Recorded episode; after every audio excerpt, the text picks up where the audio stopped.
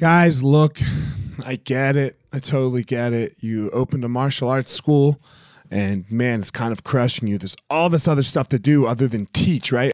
You love teaching. You love jujitsu. You love Muay Thai. You love karate. Whatever it is you're you're teaching. And man, but there's all this other stuff. There's there's the front desk. There's there's taxes. There's curriculum. There's cleaning.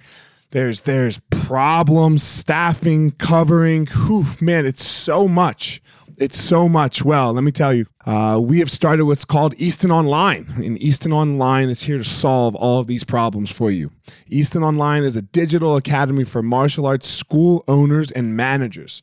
Will help you establish or enhance your business with best practices. Most importantly, we're going to help you get back to what it is that you love most teaching and doing martial arts. Okay, so for more information, guys, go to easton.online. Again, that's easton.online.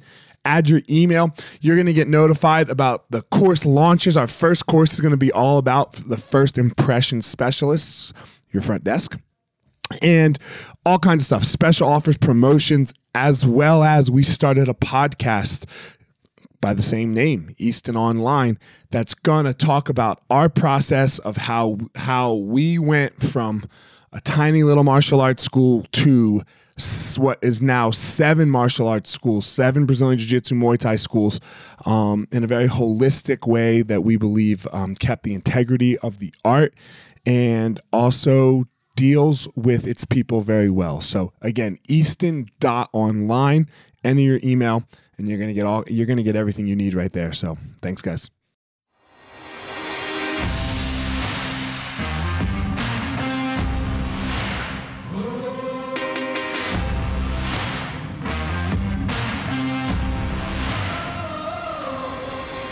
What's up, my ninjas? This is former UFC fighter Elliot Marshall, and this is the Gospel of Fire, where we are going to learn how to go into the fire so that we can find our power and live the best life possible.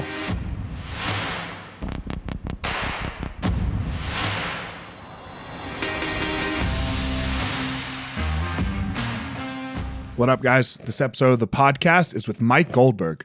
Mike Goldberg is an OG MMA analyst. Started out with the UFC. Uh, man, it was him and Rogan for such a long time. So uh, it was great to get him on. It was great to hear his perspective of and, and his story about the growth of the sport himself, how he watched Rogan grow, and, and all of that. So, without further ado, here we go. He doesn't really need an intro, Mike Goldberg. What up, Goldie? How you doing, man? I'm doing good, my friend. It has been a long, long time. it has been a minute, right? It's been a minute.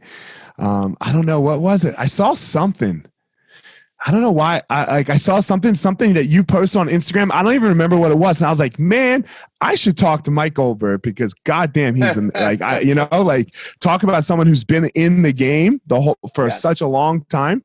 You know, kind of seen it all, haven't I? Yeah, yeah. It's like you know? going to what is it? Uh, Six Flags, Disney, and I, I'll be a Cincinnati boy here in Kings Island, all on the same journey and I've been to yeah. all of them a couple of times. the ups and the downs of the roller coasters. Yeah, man, and that's like that's such a cool experience, though, right? Like, because everyone like like uh when you say the ups and the downs, there, like everyone thinks this thing is like, oh, all of a sudden you like make it, right? Like, and that just, I mean, I, I don't know. I mean, I I, I don't well, think I've you know made the, it yet. You know the old saying, though. You know, it's it's very difficult to get to the top but it's even more difficult to stay there. And right. decades ago, my first job out of school, Elliot, was in Sarasota, Florida. And Dick Vitale lived in Bradenton, Florida. And that was when Dickie V was first like blowing up on ESPN with college basketball. And he used to actually do live shots with me. And I was 21, 22 years old, you know, the sports anchor in Sarasota. My first job out of school. And I'll never forget, Dick Vitale said, Goldie, the higher you go up on the tree, the thinner the branches are. And you're a little more exposed to rocks being thrown at you as well. and it's not you know thick up there. Very, no, it's it is uh it's great to be there. I'm honored to be there. I do my best to stay there as you do. Uh, if it's in the octagon like you were for years, or now passing on that knowledge to the next generation and generation and generation after that, Elliot, and, and I know what it's like because I coached my son in hockey for 12 years. I'm a level five USA hockey coach right down the street in Colorado Springs. My college teammate is in charge of the coaching program at USA Hockey.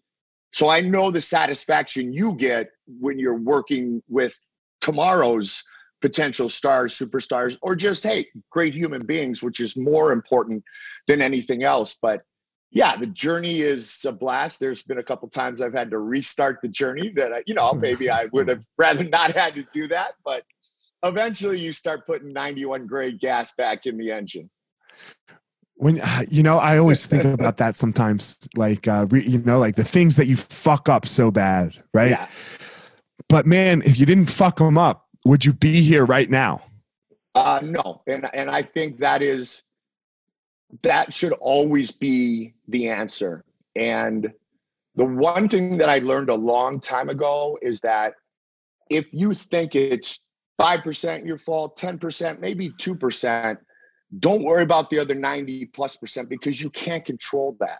You know, and even if in the big picture it is or was an injustice, and some would say maybe my departure was an injustice, and, and every fan who still says something just like so solid in my heart. It means the world to me because I did it for guys like you and the fans. So I always say I did it for the two F's. I did it for my bosses. I guess three F's for Tita too. but I did it for the fighters and I did it for the fans.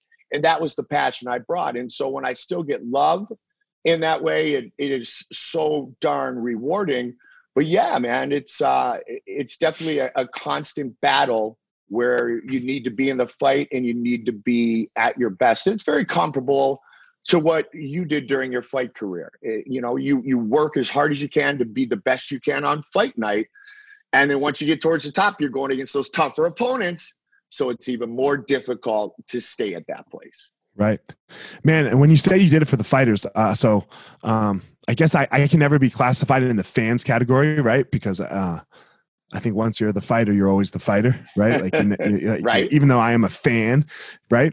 Um, I, I can give a testament to that because I can uh, you probably, I don't even know if you remember. I can remember the first time we met right?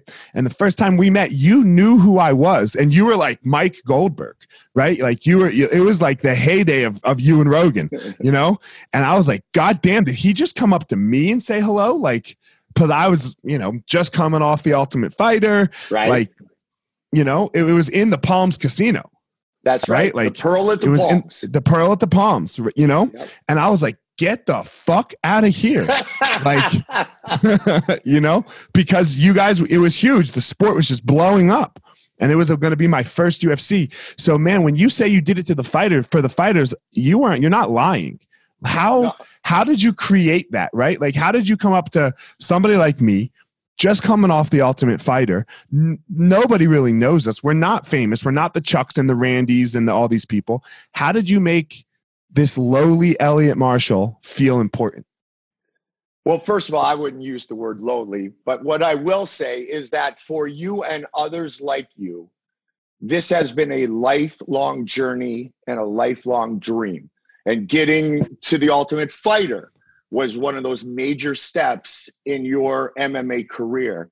And I respect every single step of it because really in broadcasting, you do the same thing. And I knew that Elliot Marshall, as a member of that cast of that season of The Ultimate Fighter, going, man, we're going all the way back to. Oh, oh wait. Ultimate, oh, yeah, Nogueira and Mir. Uh, yeah, oh, wait. December 13th. I knew that you had put your whole life in to get to that level.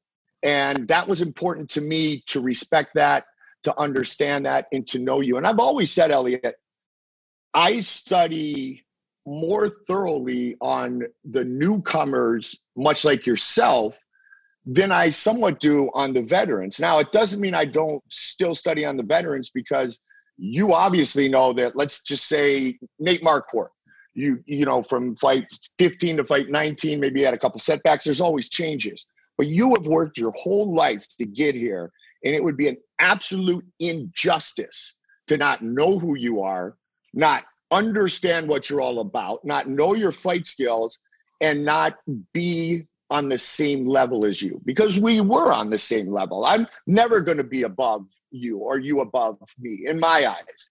And so you had worked your life to get to this point. I watched you, I saw your personality on The Ultimate Fighter, and I love the human being that I saw being portrayed there. Thus, when I saw you, I wanted you to feel like you were going to be taken care of, like you were part of the group and that I was going to be responsible in the stories that I told about you when you stepped into that octagon. Yeah, you did a great job for everybody. So, you know, I can only assume like I, I compare it to Burt Watson, right? Yeah. Burt, we roll Burt, yeah, man. He made you feel like he wanted you to win your fight, like right? Like he really wanted you to win, but like there was somebody else that you were fighting, and I'm sure he made that person feel like that. You, you know, and that. But dude, that went a long fucking way for us Absolutely, as fighters, sure. right? And and, it, and Burt understood it as well. Burt understood it as well, Elliot, that you had worked a long time at a very high level and you had worked your butt off to get to the big show. And you could tell it was different because of the presence of a guy like Burt Watson. You you had fought in the smaller shows, you had worked your way up, but he was a presence, man. I love that guy. He was a presence. Yeah. He had so much energy, and he let you know immediately when you walked in and he was pointing you to where you had to go and how everything was going to work. Elliot, at that time, I know you're going to tell me you truly knew you were in the UFC when Burt started giving you the, the here's and there's and pointing you in the right direction. It was a different feeling. That was for me, that was the heyday, right? Even when yeah, we go now, yeah. like it's it's cool. Like it's yeah. it's right, but it's different, right? It's different. It doesn't feel as elite as it felt, you know. Mm-hmm. up until that point, right? Like, the, like it, it felt, and there's look, there's some things that feel more elite now, right? Like with the, but that may but the, the like the the camaraderie of the crew of the small crew. Yes. Right? When there's six weight divisions or five whatever there were and there's only 20 guys in each weight division. Right? For sure. Like the whole ranked and it's it's better now. It's better for the sport. It's better for everything. I totally understand that. I'm not saying that. But goddamn there was no ranked inside the top 20 because if nope. you made it in you were in the top 20 no question. And every single fight you knew that person and every single fight you had an idea of what that person was going to do or perhaps not be able to do. And I used to say a lot, we used to talk about pay per views were five fights. And we have obviously had back in the day some main events that did not live up to expectation. But you knew on a pay per view, and Joe and I knew that a couple of those five matchups, uh, a handful of those 10 fighters were going to be on that night, Elliot. And so maybe the main event didn't work out so well. But there might have been a battle in fight three of an up and coming Frankie Edgar, you know, and maybe BJ was the main event back then. And that fight was one that you will remember forever. And so for us as a sport, for the UFC as an organization back then, we knew that if someone bought the pay per view, we couldn't guarantee a great main event, but we were pretty sure we could guarantee some really good fights because we had five great matchups that you were going to sit back and enjoy. And man, you and Rogan did such a good job together, right? Like, it, like how how did that friendship and how did that whole thing come together? Like, and and, and where and, and I guess where does it stand now with you and Rogan? Like, you know, so you know, start first. Go ahead. Yeah, no, you tell me. You're the boss. This start, start. Yes, start first with like how it how it came to fruition, right? Because the the images of the two of you, ah, right, oh. like at the uh, man, amazing, amazing. So where did it start? Like, how did that whole thing get going? So this is crazy. When I was getting prepared for my first UFC, which I always say was like 17 and a half. It was Ultimate Japan, December 21st, 1997 they sent me a couple of i'm getting i'm obviously old a couple vhs tapes of a few of the shows beforehand and that's when if you remember elliot joe was just super fan joe was right. the super fan the host of fear factor and he had that yes. little space in the back where it was almost like the celebrity type interview mm-hmm. but joe knew the sport and passion but at that point that was the role i was still with jeff Blatnick at that time and you know or still working with the Jeff Osborne, whoever it was. And Joe was super fan way back then before I started. That's who he was. And when Joe came on board full time, we just realized that we had the same energy, enthusiasm, and passion for the sport. And we had fun working together. And I also knew who the star was. And the star was Joe. You know, you can be the greatest quarterback in the world, but T.O. and Randy Moss, and I always say T.O. and Randy Moss because obviously our buddy Joe can be a little renegade at times once or twice. But that was my job, Elliot. My job was to get Joe the ball. And so that respect just built. And but more importantly, we're punching each other in the arm and the reactions you talked about. We had fun and we just had this natural chemistry that was off the charts. And, and I would say humbly, some of the best chemistry of any broadcast duo in any sport, anytime. I, I remember people used to say we were Summerall and Madden. And for Joe Elliot, he's like, huh?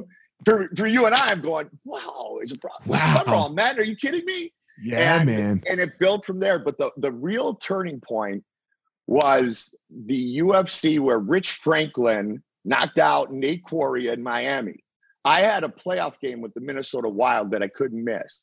And Joe did play by play, and the New York badass, Bill Baroni, was his color commentator. And that night, Joe had to listen to five, four, three, two, get into the break. All right, we're changing the format. Marshall's going to walk earlier. We, are dumping his feature. We're heavy on time. And Joe came to me before the next show and he goes, Don't ever fucking do that to me again.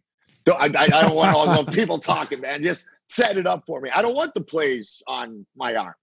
And that was a moment I think where Joe also realized what I truly did and how much there was that I was handling behind the scenes. And one of the greatest compliments he gave me over our 10 years, he said, People don't realize how good Mike Goldberg is because people don't see it on the air because he's taking care of it right here from the truck to him to making it smooth on the air. And I'll tell you, he just hit another milestone. And when he mentioned two people in his tweet, one being Dana, of course, for giving him the opportunity, the other being Mike Goldberg, Goldie on TV, his longtime partner and lifelong friend. I know we're lifelong friends, but man, you you know what I'm saying.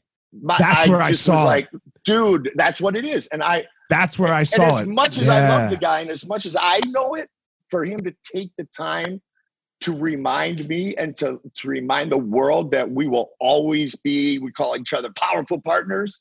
We will always be that dynamic duo. Um, was very, very special to me, and it meant a lot because I love the guy, man. We we did over right. 200 shows together. You love the guy, and in this arena, right? In this arena of martial arts, if Joe Rogan says it, it must be true. Yeah, amen. amen. you know, so like, like I, I, can remember like uh, I have a buddy who uh, he uh, he's gonna get so mad at me right now. He's a chiropractor, and Rogan hates oh, chiropractors, right? Yes. Rogan fucking hates chiropractors, and he was like, he's like, and this was. uh look, I don't have Joe Rogan. I used to have Joe Rogan's number, but I don't have Joe Rogan's number anymore. um, he was like, this is what, during the time that I had his number. Yeah. He was like, yo, dude, could you like talk to Rogan and maybe I could talk to Rogan and like, because he just isn't understanding. And, and like, That's you know, and I was like, bro, let me tell you something right now, man. Or, and then he made a video and he's like, can you share this with Joe Rogan? I was like, no. And he was like, why not? He's like, he, I was like, because look, man, Joe Rogan only talks good about us. Yeah, only he only talks good about me as a coach, you know, and and Easton and Amal and everyone. There's no fucking way I'm gonna send him a video where the first sentence says you're misinformed. Like, absolutely, and fuck you know off, what? bro. Dude, you saved your buddy a fuckload of embarrassment. Yeah, if yeah. you would have said that, Joe would have taken the time to tear that dude even more. He would have. If he would have, he would have oh taken God, the time. not want to get oh. in, in, that tornado because no, I, I, used to laugh all the time. I'm like, I okay, I know you don't like other sports, Joe, so I got you there. Everybody would always say who would win in a fight. Obviously, Joe would beat the fucking shit out of me, but I'd always joke, but let's then get on the ice. Being a lifelong hockey player, let's get on the ice after that. He can't throw one of those heavy fucking spinning kicks and you uh-huh, know break uh-huh, every rib in my body, right? He can't do that on skates. But you're right. I mean, Joe was the guy with so much knowledge, not only of our sport, but so vastly educated and intelligent and being able to talk about anything and everything with knowledge with his opinion many times which is what makes him great with that knowledge was always something where oftentimes elliot i would go man i graduated with a 3-9 i was going to go to west point I graduated Miami of Ohio with a 3-6 and I feel stupid as shit right now because I have no idea what Joe's talking about. yeah. So I was like, yo, homie, I, to my friend, I was like, I fucking love you, dude, but no. No, no. you, you know, and, no. And he doesn't know that you actually saved him. You saved yeah, him. man. Yeah. So uh that's funny though. That's funny. So your tenure with the UFC came to an end, right? Uh, yeah. yeah. What you know, and and and what was that like? Like, you know, because like, dude, there's in, in my mind, it's like, well, how the fuck could you get rid of Mike Goldberg? Right? Like, like I, I kind of felt that way a little bit. right. Um, because I wasn't passionate and because I always understood the message and I always respected the message. And I respected, as we talked about, the fighters and the fans, but also understood the big picture because, as you well know, Elliot, and you were part of that, I was part of the wave. Joe and I were the messengers that took the sport from two men will enter the octagon, only one will leave, no holds barred, to a legitimate mainstream sport. And so we were educating the universe on people like yourself, real people that can fight for a living, but don't fight for fun, quote unquote, because you don't have to fight when you know you can fight.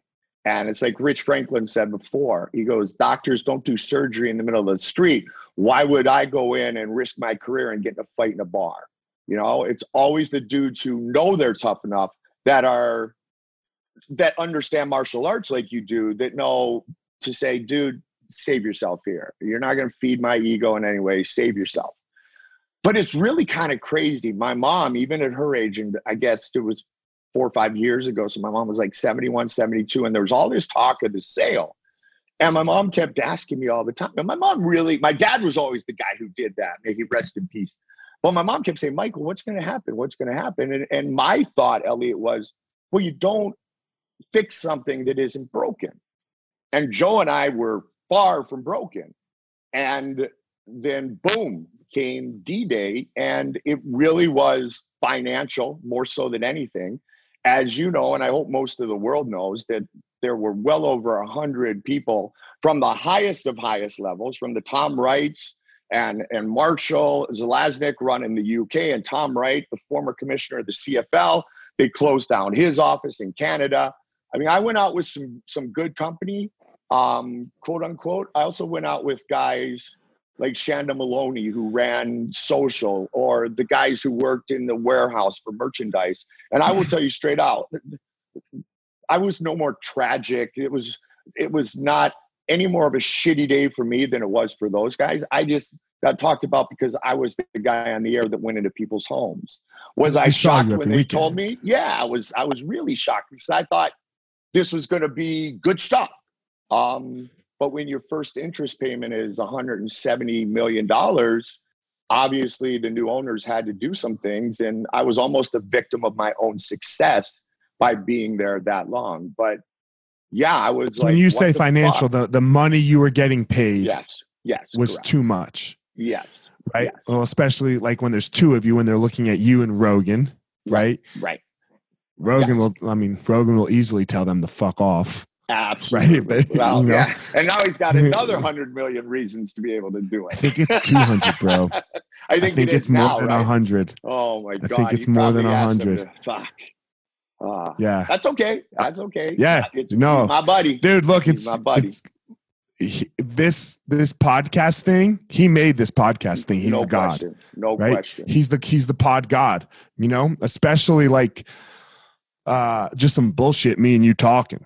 Yeah. Right? Like like like i like new shows like what like Radiolab does or you know or what like uh, malcolm gladwell does. Like that's a that's, it's still podcasting but it's a different thing right? It's sure. it's a show where they're going to give you information right? Yeah. Just two motherfuckers sitting down talking about some bullshit right? Like that this this is this is all joe rogan. So I was actually at a dinner with Joe and a dude named Brad Hunstable. And Brad at the time owned Ustream, which one of Mm. the which was obviously one of the first streaming services. And Joe started his podcast on Ustream. I sat at the dinner while those guys talked, and Brad and I still keep in touch. He's he went to grad he went to West Point, he went to grad school at Ohio State. I'm an Ohio kid. So we've remained very close to this day. I think Brad sold Ustream for like a hundred million to IBM or something. But my point is, is I actually, yeah, exactly. I, I actually saw it all starting to come to fruition for Joe and for the podcast. And people, as much as they know Joe's love and passion for MMA, um, at the end of the day, if you said, Joe, you got to make one choice, you can't do all these things, Joe would tell you he is a stand up comedian. That, that is who he is. He's not an actor on NewsRadio. He's not the host of Fear Factor. I'm not saying he's not great at those roles.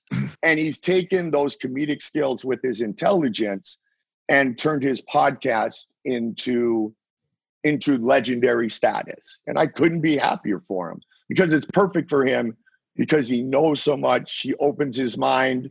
Sometimes I guess with some gummies and some edibles, but his mind is always open and he asks his guests a lot of great questions. He makes his guests feel welcome and he makes them want to come back, unless, of course, they're a chiropractor.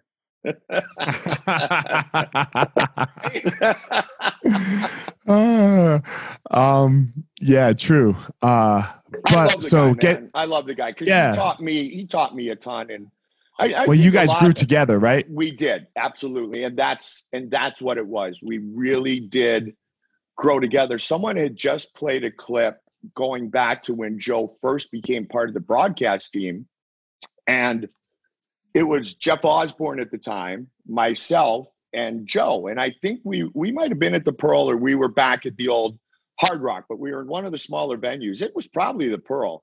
And it started with with a tight shot of me. Welcome to the Ultimate Fighter finale, whatever it was. My partner Jeff Osborne, and we'd like to welcome in the third member of our broadcast team tonight, Joe Rogan. Joe, what what makes you so excited? I'm a fan of this sport. I'm a boom, boom, boom, boom, boom. And he was like, ah, already. And you know, eventually it became Joe and I, and that was that. And that was the start of it, though. And I remember it like yesterday, man. We had a, we had a ton of fun. I remember times like we did a promo for his comedy show on one of the UFCs, and I go, uh, he said some. I said something afterwards. He goes, you know, Goldie, you like, you're a funny guy. I go, no, that that's true, Joe, but you're the greatest comedian out there. And and Joe goes, no, come on, Goldie, I'm not. And I go, no, you're not. I was just being cool. Like we used to have fun like that, you know. Like when I could make Yeah. Joe laugh, I knew I was on that night, you know. Chappelle's the best, bro. There you go. There you go. Dave Chappelle's the best. Dave Chappelle is the fucking all-time goat. Yeah. His uh his lat not not the 846 special, you know? Uh right. his the one on Netflix before that when he like went in on Michael Jackson and just the whole like Yeah, yeah. that solidified him. That fucking solidified him. That was so genius. The way he wrapped society together was, in my opinion, Chappelle. There's a lot of like, there's a lot of people that are good. Chappelle's the fucking goat. And and you know what? Joe would tell you he's got a relationship with him. He'd tell you he learned from him. And you build your own identity in that business. You think my business is tough? Try going up in front of a live studio audience and bombing. I mean, Ugh. man, you know, people didn't realize that Joe would do these shows. They think it's all glamorous, much like you walking in and you know choking somebody out. It's like, okay, well, you just you know went to McDonald's on your way there. Joe did nothing. Joe would be at the comedy store during the week every single night seeing what was working, what wasn't working, and then boom, he'd do his shows. And the UFC and our travel schedule really helped to promote Joe's comedy because he had that that group of passionate fans. He'd do a show on Friday night, comedy, and then he'd do the UFC on Saturday in pretty much every city. And it, it almost became part of the process for somebody in attendance that week. Yeah. And I went to a lot of his shows. That was my Friday night relaxing. Yeah. Look, I'm learning it now with podcasting, right? I'm I'm a little over a hundred shows in, you know, and you're still at the beginning, right? Absolutely. And and and you see these big numbers that other people put out, like millions of downloads. Yep. Right. And you're like, God damn, millions of fucking downloads. Hell yeah. Right. And then you do your first month and you're like 700 and you're like, Ugh. and 640 you know? of them are your students. Yeah, you know, and then like, and then like you're calling the guy like, family. yeah, you know, and like I'm like calling like my guy calls me after the first month who I'm working with, and he's like, dude, that was an amazing month. I was like, what? Dude, it was 700 fucking downloads. He's like, Elliot, the average is 1500 right you know right. and yeah. he's like you you hit seven but like you still are shooting over here at like Joe Rogan, Tim Ferriss, right. Uh, you know, Radiolab, you know, all these, you know, you're like, God damn. So, like, but it's just time in the game, man. It's it just is. time in the game, right? Like, it's what you were talking about that Reps. Rogan did, right? Like, God damn, I'm, I hope I'm so much more skillful at this podcast thing now than I was. You know, oh, I, I, have no doubt. I, I didn't see the first one, but I have no doubt because you have been taught that work ethic and that discipline and that understanding and the ability to be transparent with yourself and look in the mirror and go, how can I get better? Listen back to your show. How can I be better the next time that I'm on the mic, whoever it is that I'm interviewing? And, and that was ingrained in your DNA, you know, as a martial artist, your entire life, as a competitive athlete, right. your entire life. And so I know that you're attacking your own podcast, you know, and being a host of a podcast, you're attacking that to be a world champion, just like you did when you fought. And, and that's so let, the only way to that, do it. And that's the way you get uh, better.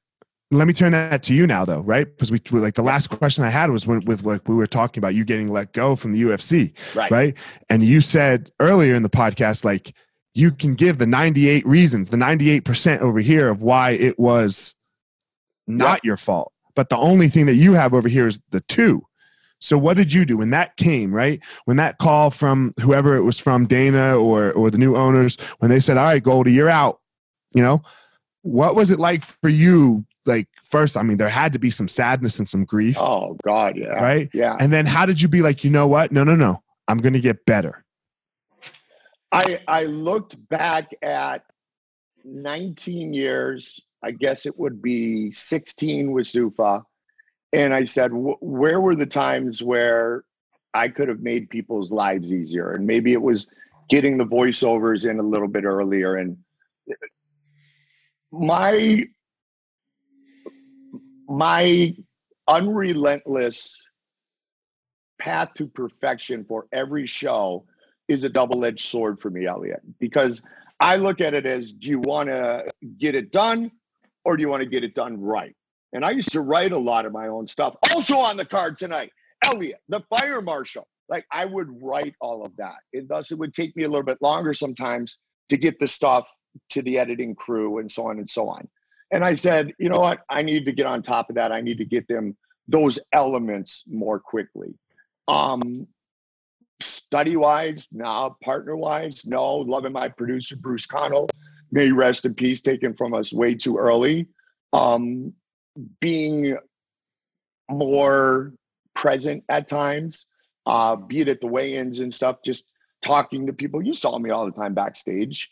Um, but it really was what can I do to make things easier for everyone around me? As talent, quote unquote, you're already deemed high maintenance. You're already a pain in the ass. And that's because a lot of people want to be talent. They don't understand it. It's like, put the headset on, bro, and do what I do to prep you'll find out what it's about. And so I looked in the mirror and I said, I can be better. I can be easier to work with in one, two, three areas. And, and they might have been very minor, but I've taken that to Scott Coker, uh, my boss, and I've taken that to Bellator. And Scott always calls Bellator and any promotion that he runs the no asshole zone.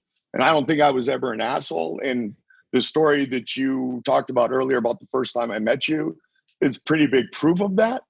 But I just took it and I stepped back and I said, let's just do this again.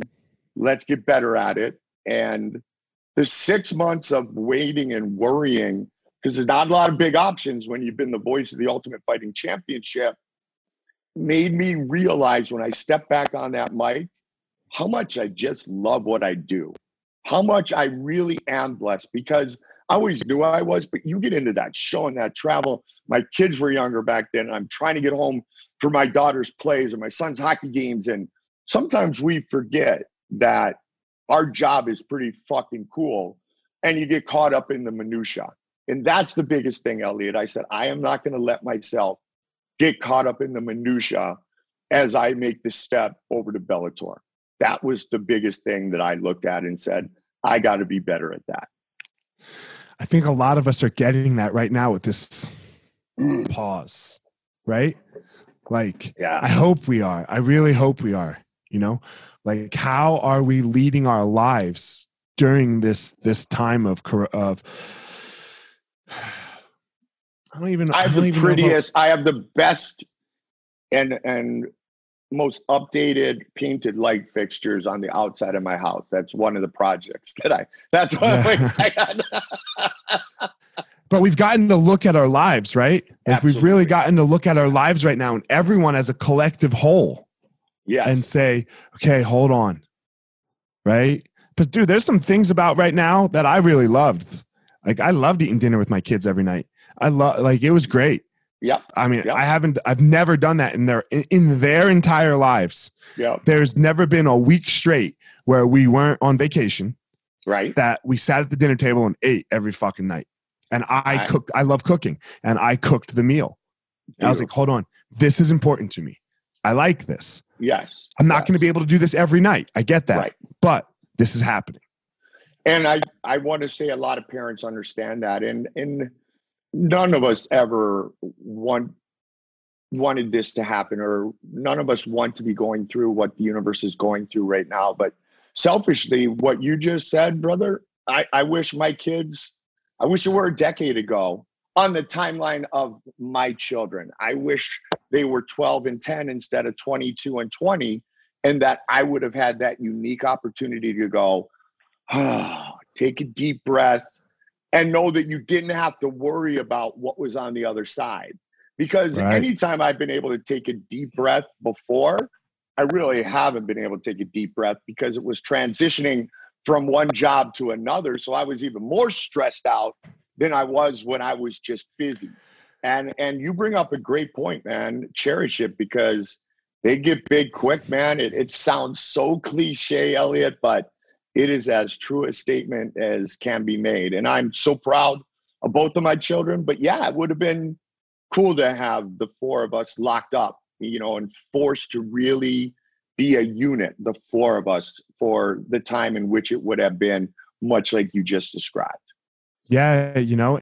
So uh, I was talking to a friend the other day, you know, and we were talking about like financial, like your mm-hmm. financial mm-hmm. well being, you know.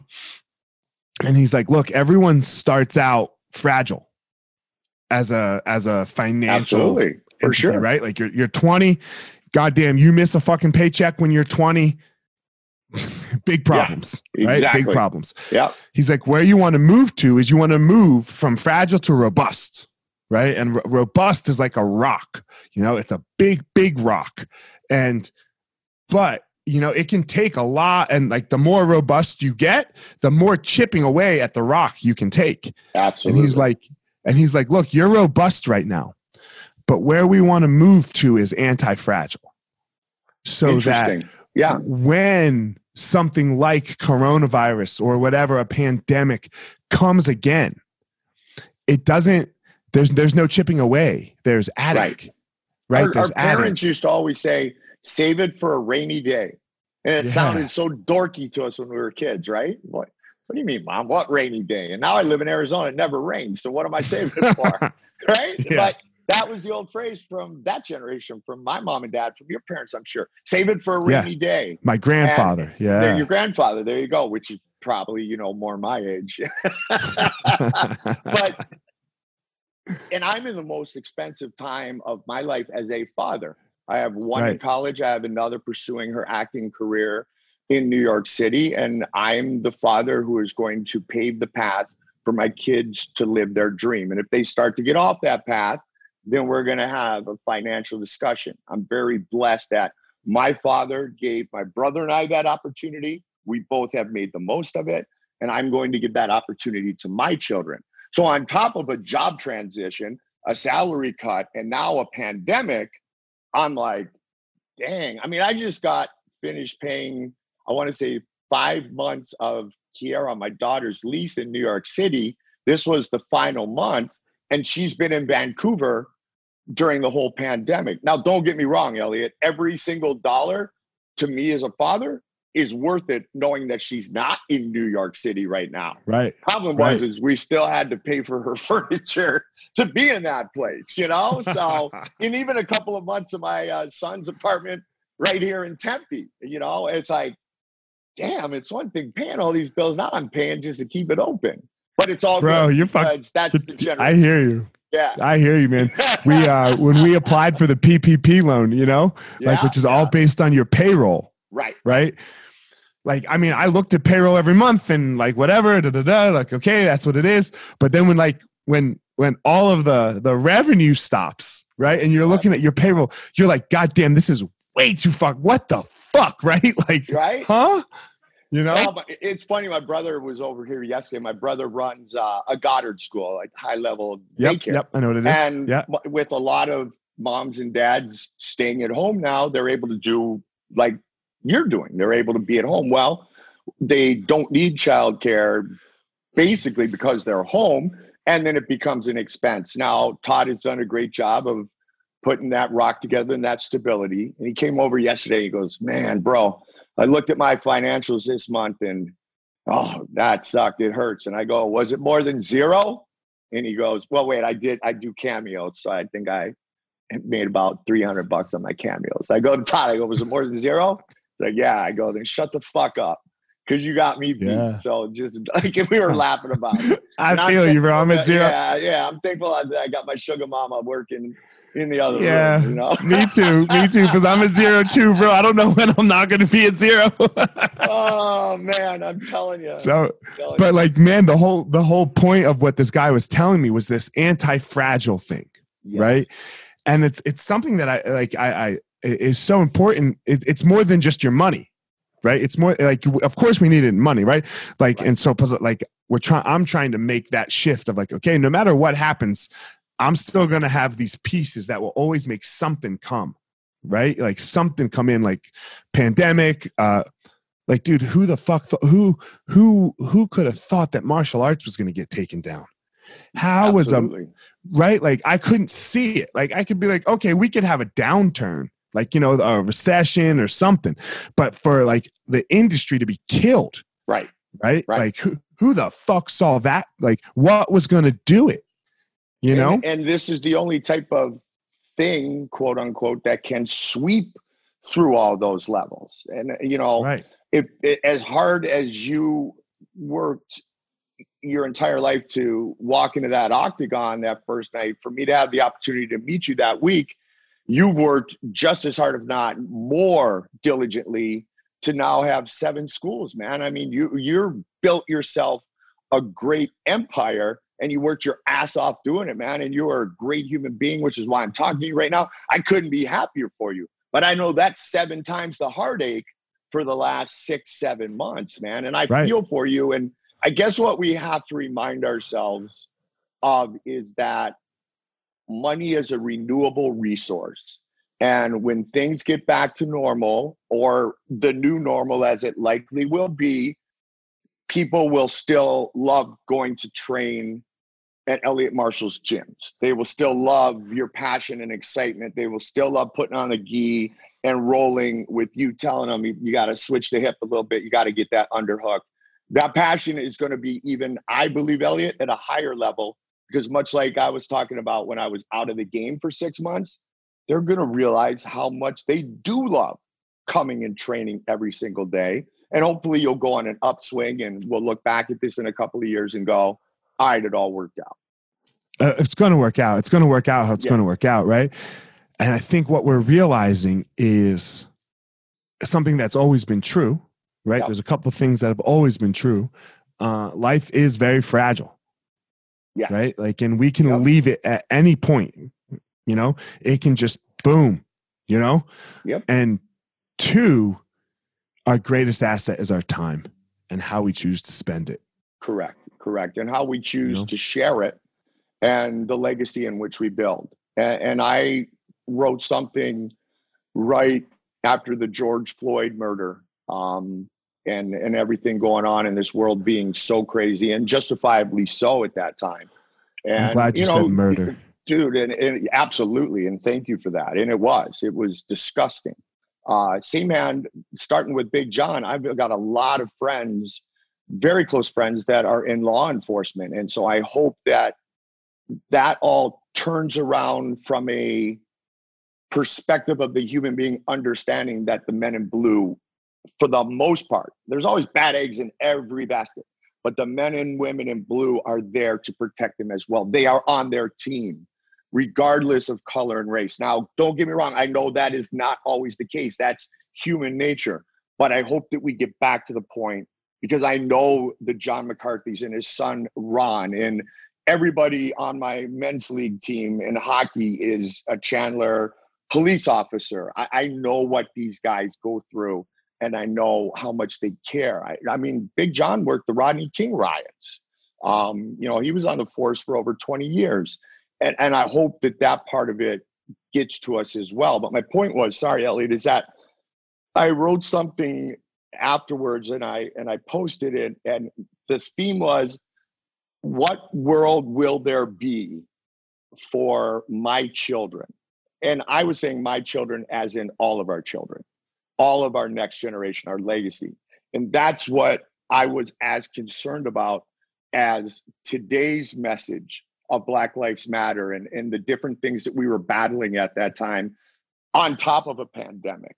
What I look at is I don't want to leave this earth anytime soon, but it's time for my kids to take over and start their true journeys. And I hope that journey is in a world that is a better world than what you and I were blessed to live in. And we've been living in a pretty good world, not without problems. There will never be that. But that's all I want. I just want it to be safe want it to be sane, and I want my kids to have the opportunity to feel they can prosper. Yeah, you touched on so much there. You know, I, I 100% agree with you. Um, and I've been very vocal on this issue on my podcast, like of the of the Black Lives Matter. Absolutely. Um, I do not agree with the political group that is Black Lives Matter, right? We're talking like, but so so please, I, I don't don't don't anybody ever think I don't right. I don't think you are either, right? We yeah. are talking about the idea, right? The idea, you know, of of what it is like to be an African American, especially male and young, you yes. know, in America, you know, um, and our lives because I am one right? I'm an I'm an African American male. My dad's like, you know, I don't scream it like others do because I have a white mom, you right, know, right? And I have a, but a white mom whose parents survived the Holocaust. So like I I my, have this. My right? great grandparents and my grandma the same. Yeah. Yeah. Uh, so I mean, I get. I think I get a pass on everything now, right? Dude, um, we used to always joke. My my dad, my dad's Jewish, my mom's Catholic, and my brother and I are really fucking confused right now. That was always yeah, our man. line growing up, you know. And it was the only thing I'm to, not is we gay. didn't get to use the F word, right? Yeah. yeah. well, so we so we think. Yeah. yeah. You know. Yeah.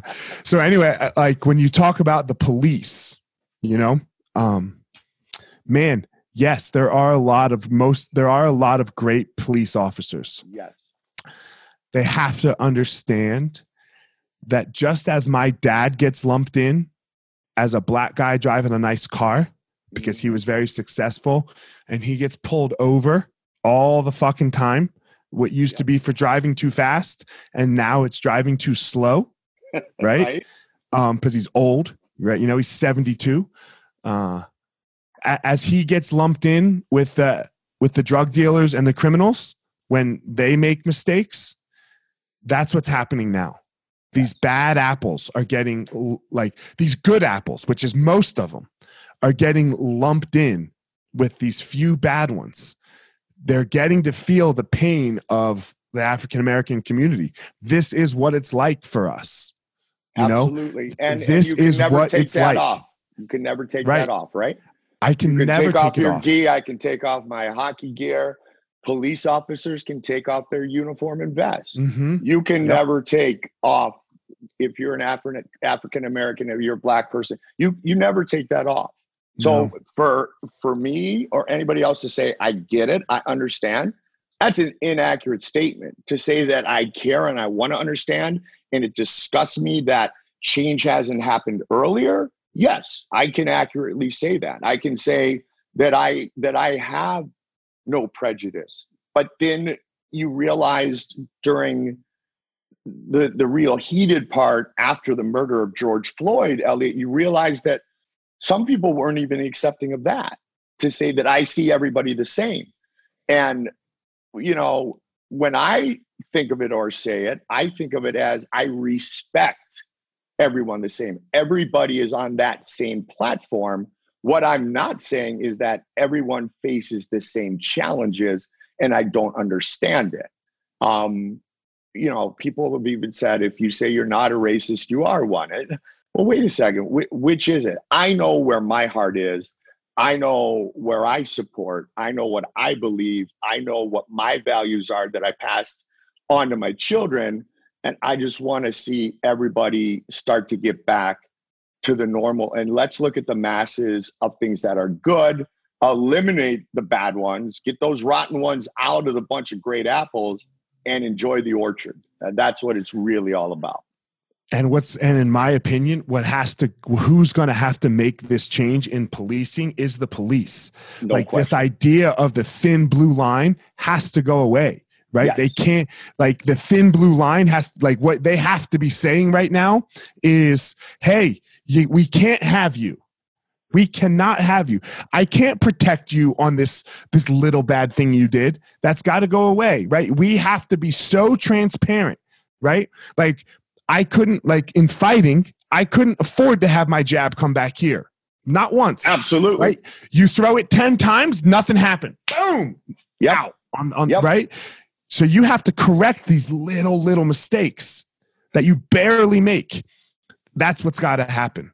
Right. You know, this, That's this what's is going to have to happen. it, it does have to happen and, and this is this is going to make total sense to the big picture but you're going to say damn goldie you pulled that out there's too many people in this world who were trained at the cobra kai they weren't trained at miyagi dojo they had that mm-hmm. attitude you know and we've always not there's no bad students there's no bad fighters there's bad mentors there's bad coaches there's bad leaders and if the leaders in the generations before us put those values in our mind that those are the ones that are supposed to be believed, that those are the ones that accepted, those are the only ones that you're going to have under my roof, that's where the problem exists. So somebody has to stop the insanity. Somebody has to stop that spiral.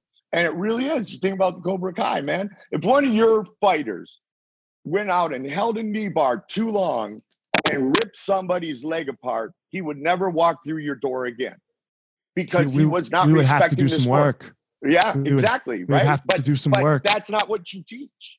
And, Right, now, he's he's not just embarrassing himself. He's he's wearing your jersey, and and Mhm. that's what's most important is that we need to make sure at our age that we are not only behaving properly ourselves, but that we are teaching and sharing for those children, but for the next generation and beyond. You have hundreds of students. I coached hundreds of kids in hockey.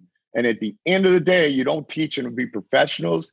You teach them to be great human beings who can succeed in life. It's got nothing. I, I, I don't care. God, it's so I, I hate when I say that. I'm not going to say I don't care about my fighters' fight career. I care because they greatly care right now. But I'm going to care more about after their fight career. Absolutely. I, I care about after their fight career way, way more than during it. Because even if they're the champion, but they they end up being a shitbag and it all falls apart for them at, at 50 and 45, whenever they're then it will not have been worth it. It will not have been worth it. I will have failed as a because I'm not their coach. Right, I'm I'm I'm something more than a coach. I'm, I, or oh, I try to be. I guess I don't get to say that I am right that that's on them to decide if i am or not for them there's because I know what my people, I don't even know what to call the people. What they did for me is they showed me how to live a life. Absolutely. Right. Absolutely. And that's what we have to be doing. So coming back to what you said with the police, yeah, we they the top dogs have to be showing how to police the best. Right? Correct. How Correct. do we do this? How do we de-escalate situations? How do we realize what this person's life experience may be? Yep. And and come off of some of our right like because that's what the job entails No Right? question. There's a It's risk every the time job they get off the entails. bike or out of the car.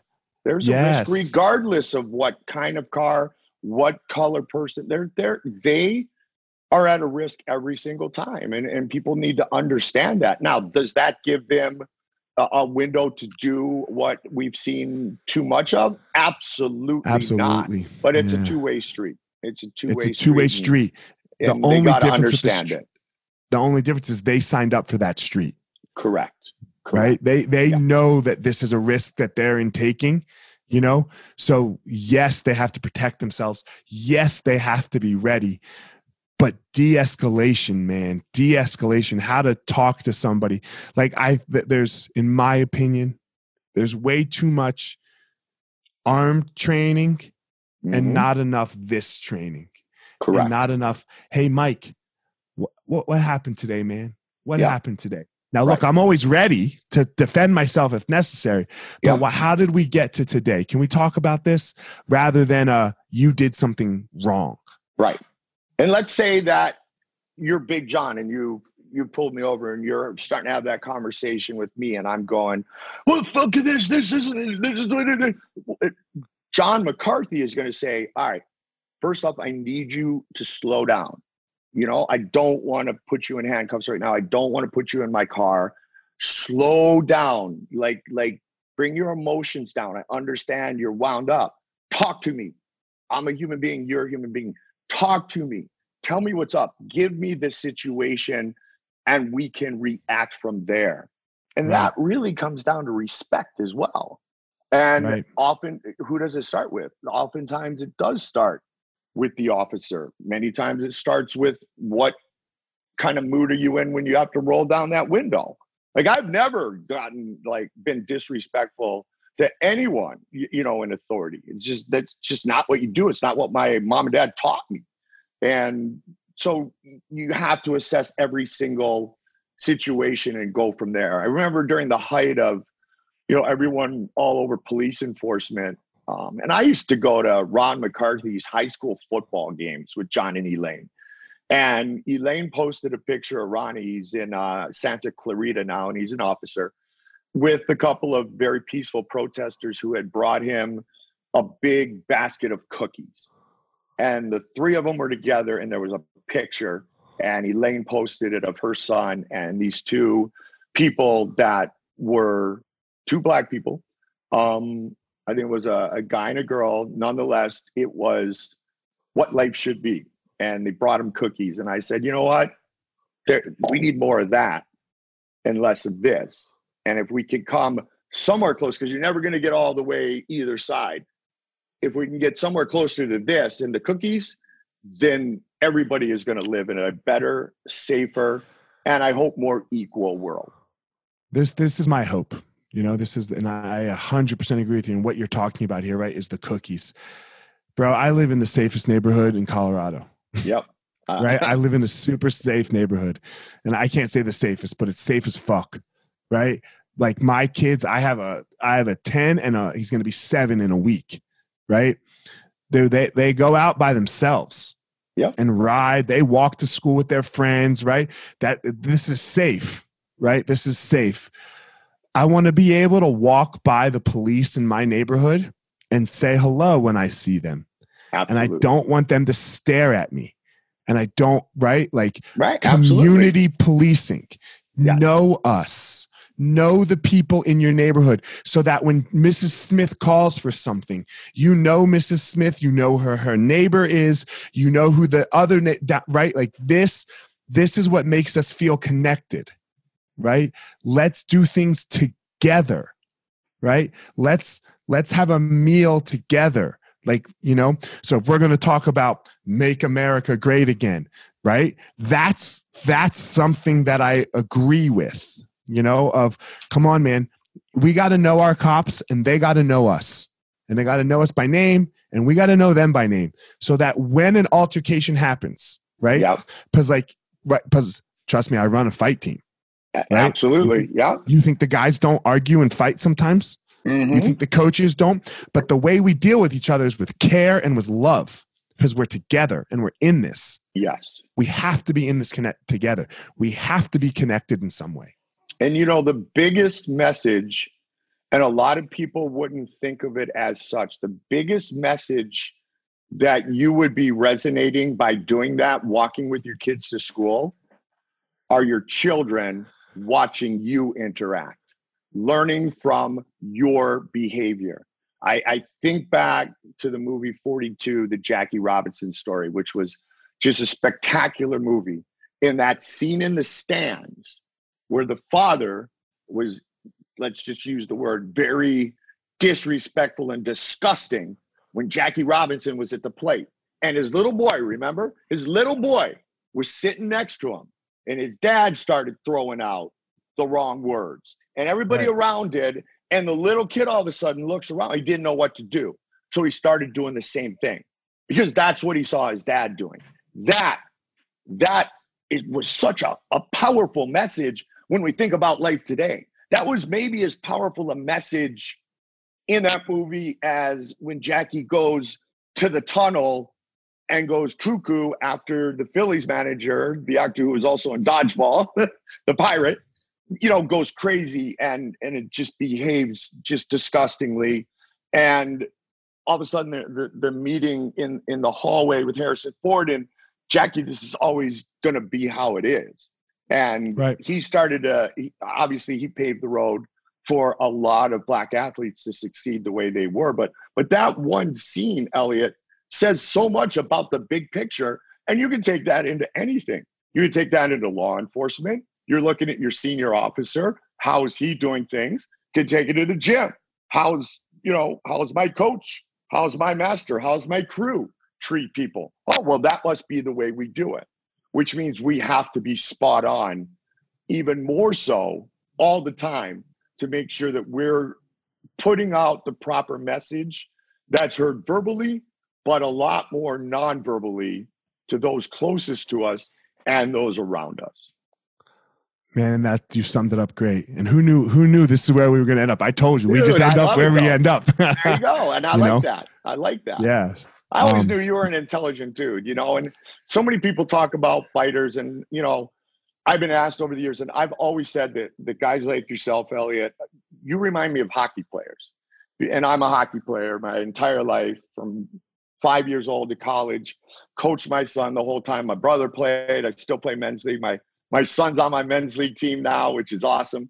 Never passes to me because I'm too fucking slow to keep up with him now. But you know, he's on my team um, you you have to understand that you guys were taught yes sir no sir or if you're a wrestler you were running back in my day you were running around in garbage bags and, and you're the most humbled and respectful athletes much like the hockey player is and you understand compete you understand the conflict you you understand that at the highest level but you shake hands afterwards and you respect and you win and lose like a professional, like a classy human being. And that's why, to me, the greatest tradition in hockey are handshakes after the last game of a playoff series. Now, in youth hockey, of course, we shake hands every game. Every game. But those sure. handshakes come after somebody's been cross checking you in the back, trying to take your hip out for six games, like the Shark series with your Avs you know, last year was a great series, intense. But when it came down to it at the end, you see those handshakes. And that to me is what the mixed martial artist who does it right is all about. And that's why I believe I've been able to relate to you and everyone in your fraternity, male and female, so well over the years because of the discipline, because of the respect that you guys have been taught your whole life. We're in this together. We are. We are. We're in this together when we get in that cage. When you put two fighters in the cage, it, it's a it's a two way dance, no matter what happens, right? Absolutely. And I think you've been seeing it a little more. And we'll, we'll end on this uh, with the UFC during quarantine here, right? With no fans in the stage and no crowd. Watch how go back and watch the fights and watch how people have reacted after knocking somebody out. They don't really celebrate because they see that person down on the canvas and the energy of the room isn't there to just make that dull away. They go, oh my God. Like you yep. see it, right? They go, oh shit, this person's not okay. Like you saw on the Ultimate Fire Fighter when Uriah Hall spinning, spinning back oh. kicked that kid, right? He was not happy. He no, was not happy at right. all.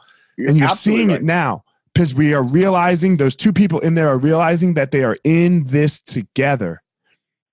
And you're we're all in that right. Right now, we are all in that fucking octagon and I in this it. together. Or, or, the Bellator cage. Let's let's be yeah. fair here. Whatever whatever cage you want to talk about, a ring. Cage, you know, you, right? I'm, yeah, yeah, a ring. Over. You know? yeah, we're we're in a Bellator fight. Cage with Big John McCarthy is my broadcast yeah. partner, but we are, and, and it's it, sports is the my has always been a microcosm of life, mm-hmm. and, and that's the thing I love most about it. That's what I enjoy about coaching and passing to the next generations. It's it, it's a microcosm of life. And and I was tutored by some great broadcasters back in the day. My hero is a guy named Bill Clement. He and Gary Thorne were the main team in the NHL on ESPN for years. Yeah. And when I went yeah, to ESPN yeah. for hockey, Billy C took me under his wing. And and that was my hero. And Bill Clement was the greatest broadcaster in the world to me and, and still is in my mind. And he put his arm around me and he taught me things. And now I do the same things to kids at the Cronkite School or whatever it is. And most importantly, I know you do this as a coach, Elliot. I tell kids who come up to me and they say, Goldie, will you critique me? Will you tell me this and that? And I say, here's the deal I will never be nasty. I will never be venomous, but I will be honest. And I will tell you the areas in which I believe you can get better, the areas in which I know you need to grow to be successful in this business. Because if I look at a tape which has holes in it, if you will, and I go back and I tell you, dude, you're the greatest fucking podcaster in the history of life, I've I've really put a a real roadblock on his career because he's going to keep doing it that way and not understand why all these ding letters are coming. So I've done him a disservice by not being constructively and respectfully critical or yeah critical i guess is the word but just responsible with my critique of their skill level at that point and nobody's mm-hmm. happier when i see them succeed than i am and you do and you've always done it with love and compassion and that's and that's how it's that's how it feels right yeah. from that day that you saw me for the first time outside the pearl you know? Yep. um so man thanks thanks for doing this. Thanks for coming on Thank goldie. You. i know uh you're you're a busy guy and we made it happen you know? Uh, and i really appreciate it. So uh, tell everyone where they can reach out to you find you on instagram things like that wherever your social media. Go ahead. You got it. First off thank you for having me on. It was uh man it was such a pleasure when i got a text. I'm like damn and it did pop up Elliot Marshall, which means I still had your number. I didn't have to look for it, so I was good. Uh, I'm Goldie on TV on both Instagram and on uh, Twitter. Um, those are the big ones. I have Sports Mike 16 on Instagram. That's more my personal one. Um, but Goldie on TV on Instagram and Twitter will get you to the right place. And uh, I try to be there for the fans. It, it it it saddens me when social media gets toxic because early on when Twitter was there, Elliot, I would sit for an hour a night. I would answer every single person, and their reaction would be exactly what yours was when I said hello to you that first time. Oh my God, Mike Goldberg responded to me. Mike Goldberg answered my question. What a cool fucking dude. And then it got toxic, and then you kind of go, well, why aren't I in the other room with my kids when I've got to deal with these haters? But Goldie on TV is where you can catch me. We're going to be back soon Bellator, we have our dates scheduled. They are this month. Uh, so stay tuned for that. I cannot wait to go back to work. I, I want some bios to work on. And uh, I still have yours, by the way. And I want some bios to work on. I want to get back with that headset next to my partner, Big John McCarthy, and get things going again. Hell yeah, man. Well, thank you again. And as always, guys, look, Mike Goldberg has his power that he's found and been able to harness.